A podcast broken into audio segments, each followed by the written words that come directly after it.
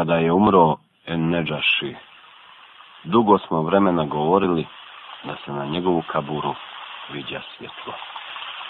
Ovo je priča o Enneđašiju.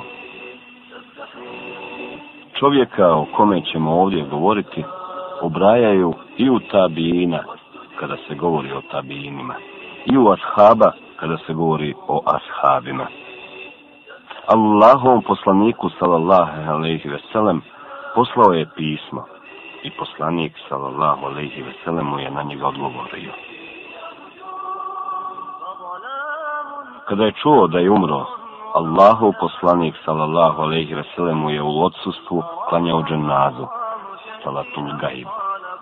On je jedina osoba kojoj je Allahov poslanik sallallahu alejhi ve sellem klanjao dženazu u odsustvu iako je više poznat pod nadimkom Enneđaši. Pravo ime mu je bio Ashama ibn Ebđar. Hajde da zajedno čujemo životnu priču o ovoj istaknutoj ličnosti među muslimanima.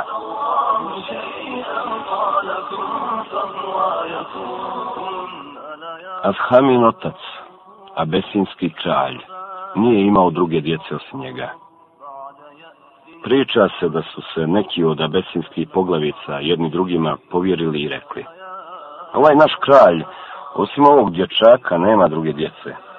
Last će mu još za vrijeme njegova života oslabiti, a kada umre, potpuno izgubiti, što bi nas moglo dovesti u nezahvalan položaj. Kako bi bilo da ga ubijemo i da za kralja postavimo njegova brata koji ima 12 sinova? on će mu dok je u životu pomagati, a kada umre, naslijediti ga i između sebe podijeliti vlast. Šeitan je iz dana u dan odgrijavao njihovu zabrinutost i došaptavao im zle misli, dok jednoga dana nisu ubili svoga kralja i na njegovo mjesto postavili njegova brata. Ashama je odrastao pod brižnom pažnjom i zaštitom svoga mičnika. Još u ranoj mladosti počeo je pokazivati znakove nesvakidašnje bestrine, odlučnosti, rečitosti i izuzetne ličnosti. Sve to kod njegovog amiđe izazivalo radost, divljenje i naklonost, više nego prema rođenim sinovima. Potom je šetan ponovo počeo došaptavati zle misli u duše, abesinskih poglavica, pa su jedni drugima počeli govoriti. Tako mi Boga bojimo se da vlast ponovo ne završi u rukama ovoga mladića. A ako se to desi, sigurno će nam se osvetiti i sve nas pobiti zato što smo ubili njegova oca. Zato su se okupili, zajedno otišli kod kralja i otvoreno mu rekli. Vaše veličanstvo, naše srce i duša neće se smiriti sve dok ne ubiješ Ashamu i ne vidimo da si ga između nas uklonuo. Sada kada je odrastao i stasao, bojimo se da nas jednoga dana sve ne pobije i ne osveti se za svoga oca. Čuši to, kralj im je rekao. Kako možete biti tako zli ljudi? Koliko jučer ubili ste njegova oca, a danas od mene tražite da ubijem njega. Tako mi Boga neću vas poslušati niti to učiniti. Na to su oni predložili onda nam dozvoli da ga uzmemo i protjeramo iz naše zemlje, pa je nemajući pod njihovim pritiskom drugog izlaza, iako nerado na to pristao. Samo dan poslije Ashamina progonstva desilo se nešto što niko nije mogao predvidjeti.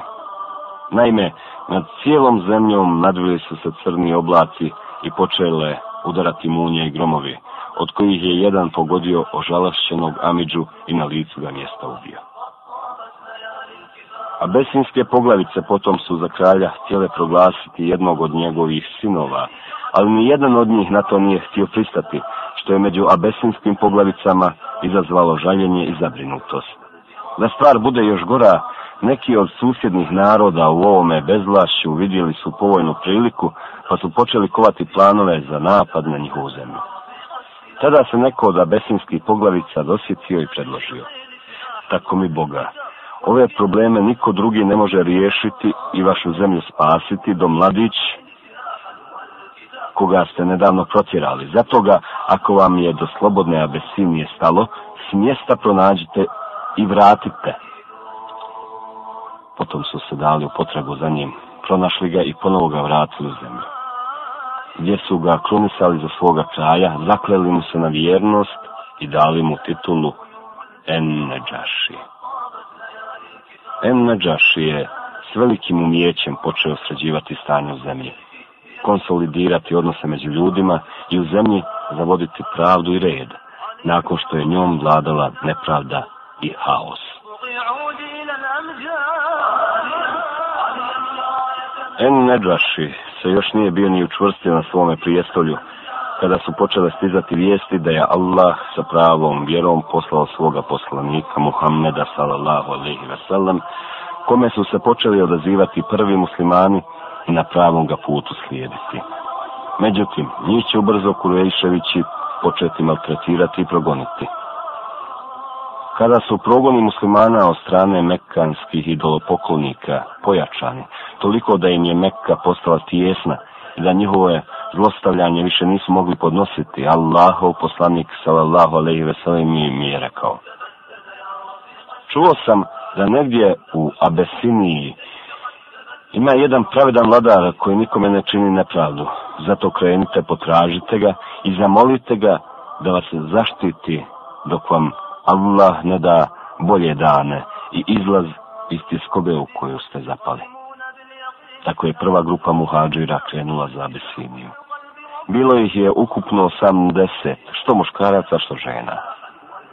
Oni će tamo po prvi put u svome životu osjetiti blagodat sigurnosti i slobodno uživati u slasti i badeta i bogobojaznosti, bez straha da će im neko zbog toga zagočavati život i mutiti bistrinu i slast vjerovanja.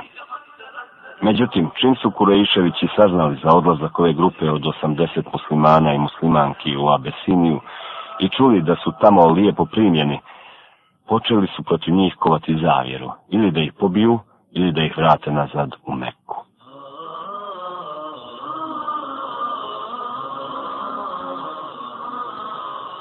Kurejiševići su En Neđašiju poslali dvojice od svojih najlukavijih i najsposobnijih ljudi, Amra ibn al-Asa i Abdullaha ibn Ebu Rebiju. Po njima su poslali bogate darove iz Hidžaza za Enerđašiju i njegove poglavice i vojskovođe. Oni su došavši u Abesiniju prvo svratili kod pomenutih poglavica i prije im, nego su se sastali sa Enerđašijem, uručili poklone, rekavši svakom od njih. U vašu zemlju sklonili su se neki naši mladići koji su pogazili vjeru svojih predaka i riječ naroda. Zato vas molimo da kada o njima progovorimo pred vašim kraljem, savjetujete kralju da nam ih isporuči, ne pitajući ih za njihovu vjeru, jer o našoj vjeri najbolje znaju naše starješine i ugledni ljudi. Kada su Amr ibn El As i Abdullah ibn Ebu Rebija ušli kod Enneđašije, poklonili su mu se kao što mu se poklanja njegov narod. Enne Džaši im je izrazio dobrodošlicu i širokogrudno ih primio. Tim prije jer se od ranije poznavao sa Amrom ibn El Asom i sa njim bio u prijateljskim odnosima. Zatim su mu, uručujući mu pokone, prenijeli pozdrave od mekanskih prvaka, prije svega od Ebu Sufjana, poglavice plemena Kurejiš. Pokloni su mu se svidjeli, sa vidnim divljenjem ih je primio. Zatim su mu rekli, vaše veličanstvo, u tvoje carstvo se sklonula jedna grupa naših najozloglašenijih mladića, koji su našu vjeru napustili, a tvoju nisu prihvatili. Odmetnuli su se u nekakvu novu vjeru za koju ne znamo ni mi ni vi. Najugledniji ljudi našeg naroda koji najbolje znaju šta njihova nova vjera znači i kakvu pometnju narodu mogu izazvati su nas do tebe poslali sa molbom da nam ih isporučiš i da ih vratiš tamo odakle su došli. En Neđaši se malo zamislio, a potom pogledao svoje poglavice i upitao ih. Šta vi o tome mislite? Pa smo odgovorili. Vaše veličanstvo, mi ništa ne znamo o njihovoj novoj vjeri. Mislimo da o njima i njihovoj novoj vjeri najbolje znaju njihove poglavice. Na to je Neđaši rekao. Ne, tako mi je Allaha. Allaha nikome ih neću isporučiti dok iz njihovih usta ne čujem šta oni o sebi i o svojoj vjeri sami kažu. Ako vidim da su zlikovci i da su na krivom vjerovanju, isporučit ću ih njihovom narodu. A ako vidim da su čestiti na pravom putu, služit ću im svoju zaštitu i gostoprinstvo sve dok su u mojoj zemlji. Zatim je dodao, tako mi Allaha nikada neću zaboraviti dobrotu koju je prema meni pokazao te me je u moju zemlju vratio, sačuvao me od spletke i zlobnika i pomogao protiv onih koji su me mrzili i toliko mi nepravde nanijeli. Potom je Enneđaši naredio da mu dovedu izbjegle muslimane i da ih pred sobom suoči sa njihovim sunarodnjacima. Kada su čuli koji ih zove, uplašili su se i jedni druge počeli pitati šta ćemo mu reći ako nas bude pitao za našu vjera. Najodvažniji među njima su rekli, reći ćemo mu ono što o našoj vjeri je rekao uzvišeni Allah u svojoj knjizi i što nas je poslanik sallallahu alaihi vesele naučio našem gospodaru. Potom su krenuli kod kralja. Kada su došli, zatekli su Amra ibn el Asa i Abdullaha ibn Ebu Rebiju. Sa desne i lijeve strane Enne Džašije, sa kapama na glavi i otvorenim knjigama u rukama, sjedili su njegovi svećanici. Kada su ušli, kralja su pozdravili islamskim pozdravom i sjeli ispred njega.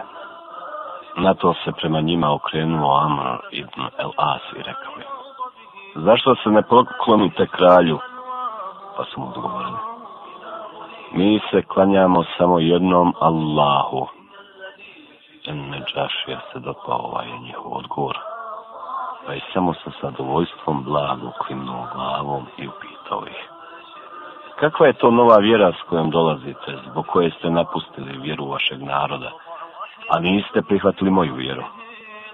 Za odgovor se javio Džafer ibn Ebu Talib rekao, Vladaru, mi sebi nismo izmislili nikakvu novu vjeru, nego nam ju je od svoga gospodara donio Muhammed ibn Abdullah. Pravu i istinsku vjeru s kojom nas je iz mraka izveo na svjetlo. Do tada smo bili nezna božački narod koji je obožavao kumire, kidao rodbinske veze, jeo krepano meso, činio teške grijehe, loše se odnosio prema komšijama, a moćni među nama ugnjetavali su bespomoćne. Bili smo takvi sve dok nam Allah između nas nije poslao poslanika, čovjeka čije nam je porijeklo dobro poznato, za koga znamo da istinu govori te da je povjerljiv i čestit. On nas je pozvao da vjerujemo u Allaha i naredio nam da samo njega obožavamo i samo se njemu klanjamo. On nam naređuje da klanjamo namaz, dijelimo zekat, postimo mjesec Ramazan i da više ne obožavamo idoli kamenje. kamenje. Osim toga, on nam naređuje da istinu govorimo, da povjerenje čuvamo, da rodbinske odnose održavamo, da na komšije pazimo, da zabranjene stvari ne činimo i da na tuđe živote pazimo. Istovremeno zabranjuje nam da grijehe činimo, lažemo i od siročadi i metak otimamo. Mi smo mu povjerovali, pa smo ono što nam je donio počeli slijediti. Tako smo počeli obožavati jednog jedinog Allaha, kome niko nije ravan. Zabranjivati ono što nam On zabranjuje i dozvoljenim držati ono što nam je On dozvolio. Naši su narodnjaci su nas zbog toga počeli napadati i na najteže muke stavljati, ne bili nas od naše vjere odzatili.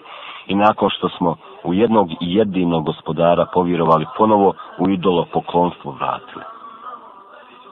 Mi smo se nakon što su nas tolike godine mučili, nepravdu nam činili i zabranili nam da svoju vjeru ispovjedamo, odlučili zamoliti vas da nas zaštitite i dozvolite nam boravak u vašoj zemlji. U nadi da nam kod vas nepravda neće biti učinjena. Mimo vas nismo imali koga drugog izabrati. Na to je En Neđaši upitao. Možeš li nam još šta reći o tome šta vaš poslanik o vašem gospodaru kaže?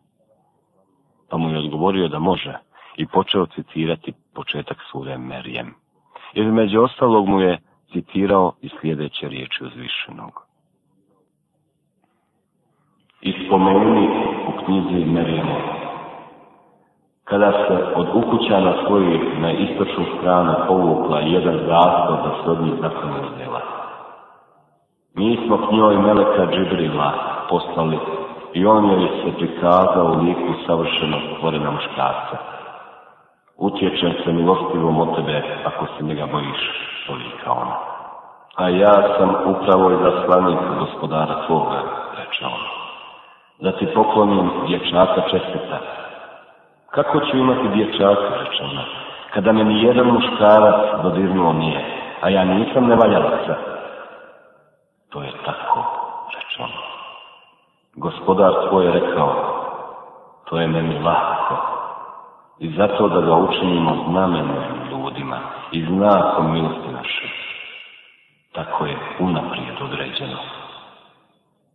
I ona zanese i bremenica se skloni daleko negdje. I porođajni bolovi prisliše da dođe do stavla jedne palme. Kamo sreće da sam ranije umrla i da sam potpuno u zaborav palavu uzviknula. I melek je, koji je bio niže nje, zovno.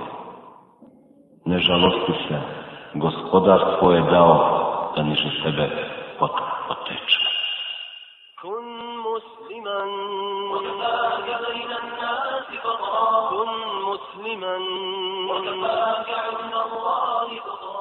Sluši to, en neđaši se od radosti rasplakao i toliko dugo plakao da mu se brada od suza natopila njim su plakali svećenici, toliko da su knjige svojim suzama nakvasili. Zatim se Enneđaš je okrenuo prema Amru ibn El Asu i njemu i njegovim drugu rekao. Ovo što smo čuli da su nam izrecitirali i ono što je donio Isa, ne može biti, a da ne izvire se iz tog mjesta. O to mi je rekao. Tako mi Allaha, nikada vam ih neću isporučiti, niti ćete me moći sa vašim poklonima podkupiti. Zatim je ustao i izašao. Čim je sastanak bio završio. Amr ibn El As je izašao pucajući od bijesa. Ne mogavši se pomiriti sa onim što je čuo svome drugu rekao. Sutra će se ponovo svesti sa Enne Džašijem. I tako mi je Allaha, o njima mu ispričati nešto što će ih pokopati i u korijenu sasjeći. Njegov drug, koji je bez obzira na sve bio ipak nešto obazriviji, zamolio ga je. Amre, molim te ne čini to. Jer bez obzira što se sa njima uvjeri ne slažemo, oni su naš rod. Hoću, tako mi Allaha ću mu reći da su o Isao, sinu Merjeminu, rekli samo ono što mu se dopalo, a sakrili ono što mu se ne bi dopalo. Reći ću mu da vrijeđaju Isa i tvrde da je bio rob. Sutradan je Amr ponovo zamolio da ga je nežašio primi. Pa mu je kada ga je primio rekao. Vladaru, oni su jučer, govoreći o Isau, rekli samo dio onoga što o njemu govore, a drugi dio prešutili. Oni govore da je Isa, sin Merjemin, bio rob. Potom ih je Enneđaši ponovo pozvao i pitao. Šta još kažete o Isau, sinu Merjeminu? Ko je on bio? Pa mu je Džafer i Dnebu Talib rekao. Kažemo ono što nas je o njemu naučio Allahov poslanik, sallallahu alaihi veselem. A šta vas je o njemu on naučio? upitao je Nadžaši, pa mu je Džafer rekao. Naučio nas je da je on Allahov rob, poslanik i riječ njegova, koju je on udahnuo u djevicu Marijemu. Na to je Enneđaši rekao. Tako mi Allaha, istina o Isau, ni za trunku nije drugačija nego što si rekao. Čuvši to i osuđujući što je rekao, svećenici su počeli bunđati, pa ih je samo preko oka pogledao i rekao im. To je istina, makar vam i ne bilo pravo, makar i od bijesa gunđali. Zatim se okrenuo prema Džaferu i rekao, jedite kuda hoćete, u mojoj zemlji ste slobodni, žestoko će zažaliti svako ko vas povrijedi. Kada bi mi za vas neko ponudio brdo zlata, na njega se ne bih osvrnuo. Zatim je stražarima rekao, vratite Amru, i njegovu drugu njihove poklone. Ne trebaju nam. Allah od mene nije primio nikakvo mito da bi mi vratio carstvo. Pa ga nija neću primiti, niti je ljude natirao da me moraju slušati, pa da i ja moram slušati njih. Svećenici su požurili i među svijetom počeli širiti priče kako je Neđaši pogazio svoju vjeru i umjesto nje primio drugu. Ubrzo su svijet počeli huškati na pobunu i smjenu kralja. Abesinci su se počeli okupljati protiv njega i otkazivati mu vjernost i poslušnost. Osjetivši šta mu se iza leđa kuje, Enneđaš je pozvao Džafera i Ebu Taliba i njegove drugove i sve im otvoreno ispričao. Pripremio im je lađe i rekao, ukrcajte se i budite spremni za ono što će se desiti. Ako izgubim, isplovite kuda želite, a ako pobijedim, vratite se i ostanite sa nama koliko želite a zatim je izvadio komadić jareće kože i na njoj napisao. Svjedočim da nema Boga osim Allaha i da je Muhammed njegov rob i posljednji poslanik. Svjedočim da je Isa njegov rob, njegov poslanik, njegov duh i njegova riječ koju je Merijem je dostavio. Zatim je kožu spotao, stavio na prsa preko nje obukao grtač i izašao pred pobunjenike. Kada je izašao pred njih, upitao ih je. O, abesinci, kakvog ste me do sada znali? Kao dobra i čestita, odgovorili su. Zašto se onda protiv mene bunite? Upitao je. Zato što si napustio našu vjeru i što si priznao da je Isa bio rob, odgovorili su. A šta vi kažete, ko je bio Isa? Pitao je, pa su rekli. Kažemo da je bio sin Božiji. Potom je Enneđaši svoju ruku stavio na prsa preko grtača ispod koga je bio ispisan komadić Jareće kože i rekao I ja tvrdim da Isa nije bio ništa drugo do ovo, misleći na ono što je napisao na koži. Pa su se obradovali onome što su čuli da je rekao, i zadovoljni se nešto.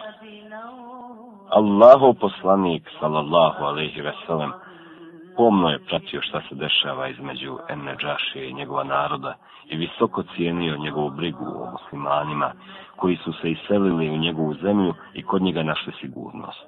Radovali su ga vijesti o njegovoj naklonosti prema islamu i vjerovanju u istinitost onoga o čemu govori Kur'an. Ene džaši i ne veze sa Allahovim poslanikom, sallallahu alihi veselem, sve su više i više jačale. U prvom mjesecu sedme godine po hijđuri, Allahov poslanik, sallallahu alihi veselem, odlučio je pozvati u islam šestoricu tadašnjih okolnih vladara. Svakom od njih uputio je pismo u kome ih je pozvao u islam, pisao o ljepotama vjere i upozorio na opasnost nevjerstva i više boštva. Za ovu misiju, odabrao je šestoricu svojih najboljih drugova, naredio im da uče jezik naroda kome će ih uputiti i u istom danu ih poslao na sve strane svijeta. Amr ibn Umeyje Edumeri bio je jedan od ove šestorice. Njega je Allaho poslanik sallallahu alaihi veselem poslao Abesinskom kralju.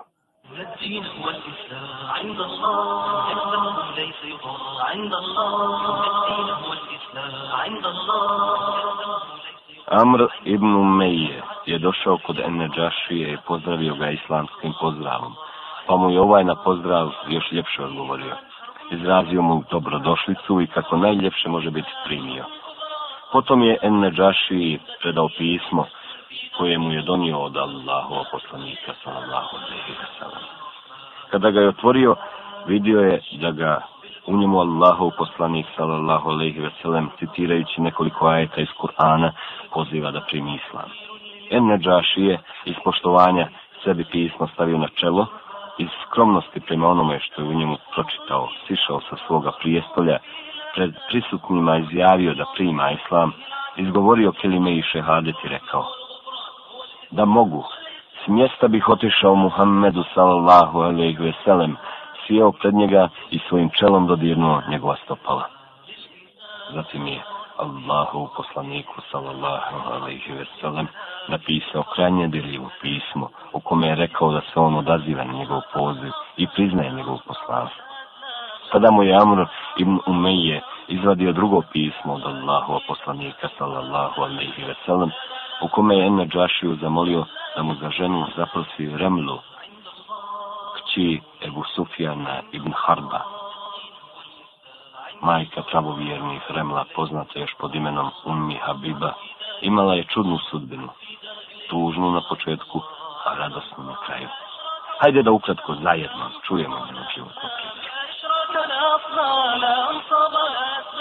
Remla, kći Kurejiši ispod poglavice Ebu Sufjana, prestala je vjerovati u božanstva svoga oca i zajedno sa svojim mužem Ubejdullahom ibn Džahšom počela vjerovati u jednog jedinog Allaha kome niko nije ravan i u Muhammeda sallallahu alaihi veselem kao njegova poslanika. Zbog toga su ih Kurejševići počeli progoniti i stavljati na svakojake nevolje da im je život u Mekki postao nepodošli. Njih dvoje bili su u prvoj grupi muslimana koja su iselila u Abesiniju, i kod Enneđašije zatražili zaštitu. Kao i ostala njihova braća muhađuri, njih dvoje je kod Enneđašije bilo lijepo primljeno. Tako da su u jednom momentu Umi Habibi učinilo da joj se nakon tegobna života u prošlosti, ne znajući šta joj još čeka, sudbina napokon nasmiješila. Na Međutim, Allahova mudrost je htjela da umni Habiba prođe kroz još jedno gorko iskušenje. Naime, desilo se da se njen muž Ubejdullah ibn Džahš odmetnuo od Islama. Pokrstio se i počeo se smijavati Islamu i muslimanima. U sve to, odao se životu po kršmama i vinu, majici svih zala, prisiljavajući umni Habibu da bira između dva rješenja od kojih su oba bila gorka. Ili da je pusti, ili da se i ona pokrsti.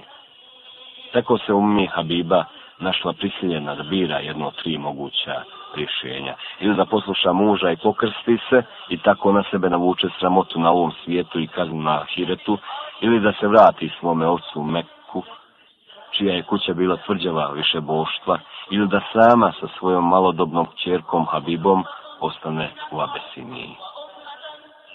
Umi Habiba se opredijela za ono rješenje s kojim će Allah biti najzadovoljniji i odlučila dok je Allah ne da bolji izlaz ostati u abesini. Nesreća koja je zadesila ummi Habibu, ovaj put na susreću nije trajao dugo. Njen muž ogrezao vinu, pijančenju i neurednom životu, ubrzo će umrijeti. A njoj će se tek što provede period čekanja nakon muževe smrti, ukazati sreća. Jednog lijepog jutra neko je zakucao na njena vrata. Ummi Habiba je ustala, otvorila ih i iznenadila se kada je na vratima ugledala jednu od Enneđašivih sluškinja koja joj je nakon što ju je pozdravila rekla Naš kralj ti šalje selam i poručuje ti da te Allahov poslanik Muhammed želi uzeti sebi za ženu. Zamolio ga da te za njega zaprosi a odabere koga ti hoćeš da te zastupa. Sluši to, ummi Habiba se toliko obradovala, da je počela vikati.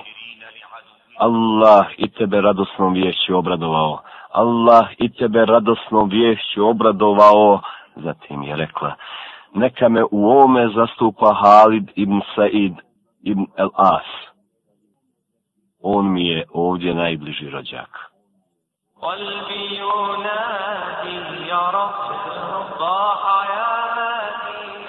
Ubrzo potom u Ennađaševu dvorcu okupili su se svi ashabi rastanjeni u Abesiniji da prisustuju prosjedbi ummi Habibe za Allahova poslanika sallallahu alaihi veselem.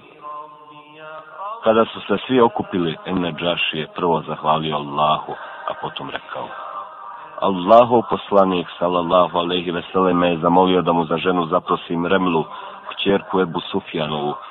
Pa sam učinio ono što me je zamolio. I u njegovu odsustvu je po Allahove knjizi sumnetu njegova poslanika vjenčanjem za njega uz vjenčani dar u iznosu od 400 zlatnika. Potom je ostao Halid ibn Said ibn El As. Zahvalio Allahu, zamolio da u ovome on bude na pomoći blagoslovio njegova poslanika i rekao I ja sam se odazvao na molbu Allahova poslanika sallallahu alaihi wa sallam i za njega vjenčao svoju štićenicu Remlu, kćerku Ebu Sufjanovu. Molim Allaha da svome poslaniku u ovoj ženi podari bereket i sreću. Čestita mi Remli koja je imala sreću da je Allah ovako velikim dobrom počastio. Ennađaši je potom pripremio dvije lađe i na njih ukrcao majku pravovjernih Remlu, kćerku Ebu Sufjanovu, njenu kćer Habibu i drugove Allahova poslanika sallallahu alaihi wasallam, koji su još bili u Abesiniji. Dozvolio je da se sa njima ukrca jedna grupa Abesinaca koji su bili primili islam, povjerovali u Allaha i njegova poslanika i i izrazili želju da vide Allahova poslanika sallallahu alaihi veselem, za njim klanjaju i sa njime provedu bar neko vrijeme. Za vođu puta svima je odredio Džafra ibn Ebu Taliba radi Allahu anhu. Majci pravovjernih Remli poklonio je sve što se kod njegovih žena zateklo od skupocijenih mirisa, indijskog žutog šafrana, uda i ambera. Po njima je Allahu u poslaniku sallallahu alaihi veselem poslalo lične poklone među kojima su između ostalog bila i tri prekrasna besinska štapa od kojih je Allahu poslanik sallallahu alaihi veselem za sebe zadržao jedan, drugi poklonio Omeru ibn et Hattabu, a treći Ali ibn Ebu Talibu radi Allahu anhu. Pripovjeda se da je kasnije Bilal radi Allahu anhu ima običaj s ovim štapom koje je Allahu poslanik sallallahu alaihi veselam zadržao za sebe ići ispred poslanika ispred njega ga kao sutru koja pokazuje pravac prema kibli za Bosnu zemlju.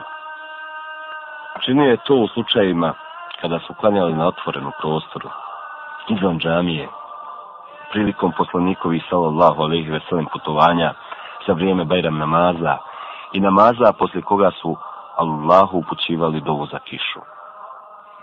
Ovu praksu sa štapom Allahova poslanika sallallahu alaihi veselem Bilal je nastavio i za vrijeme vladavine prvog halife Ebu Bekra radi Allahu anhu. Kada je hilafet prešao u ruke Omera ibn el-Hattaba, a poslije njega u ruke Osmana ibn Affana, sa štapom je ispred njih išao Saad el-Karezi, Ovu praksu sa štapom nastavile su i prakticirale i druge halife, dugo vremena poslije poslanikove sallallahu alaihi veselem smrti. Među poklonima koje je Enneđaši poslao Allahu poslaniku sallallahu alaihi veselem, bio je jedan zlatni prsten koga je Allahu poslanik sallallahu alaihi veselem, iako nije volio zlato, uzeo i poslao umami kćerki svoje kćerke Zeyneb sa porukom. Kćeri, uzmi ovo i nosi kao ukras. Pred samo osvajanje Mekke, Allahu poslanik sallallahu alaihi wasallam saznao je da je Enneđaši preselio svome gospodaru, pa je pozvao ashabe da mu zajedno klanjaju dženazu odsost. Tom prilikom im je rekao, vaš brat Ashama Enneđaši je umro, pa mu klanjajte dženazu. Zatim su mu zajedno klanjali dženazu osustvo. Dženazu mu je, kao imam, klanjao lično Allahov poslanik, sallallahu alaihi veselem. Ni prije, ni poslije, Allahov poslanik, sallallahu alaihi veselem, nikome osim Enneđašiju nije klanjao dženazu osustvo. Neka je Allah zadovoljan sa ashamom Enneđašijem, a i on sa njim zadovoljan neka ga Allah nastani u perivojima vječnog uživanja. Jer je svojski pomagao prve muslimane, kada im je najteže bilo, i pružao im zaštitu, kada su najugroženiji bili samo sa jednom željom, da postigne zadovoljstvo Allaha i njegova poslanika.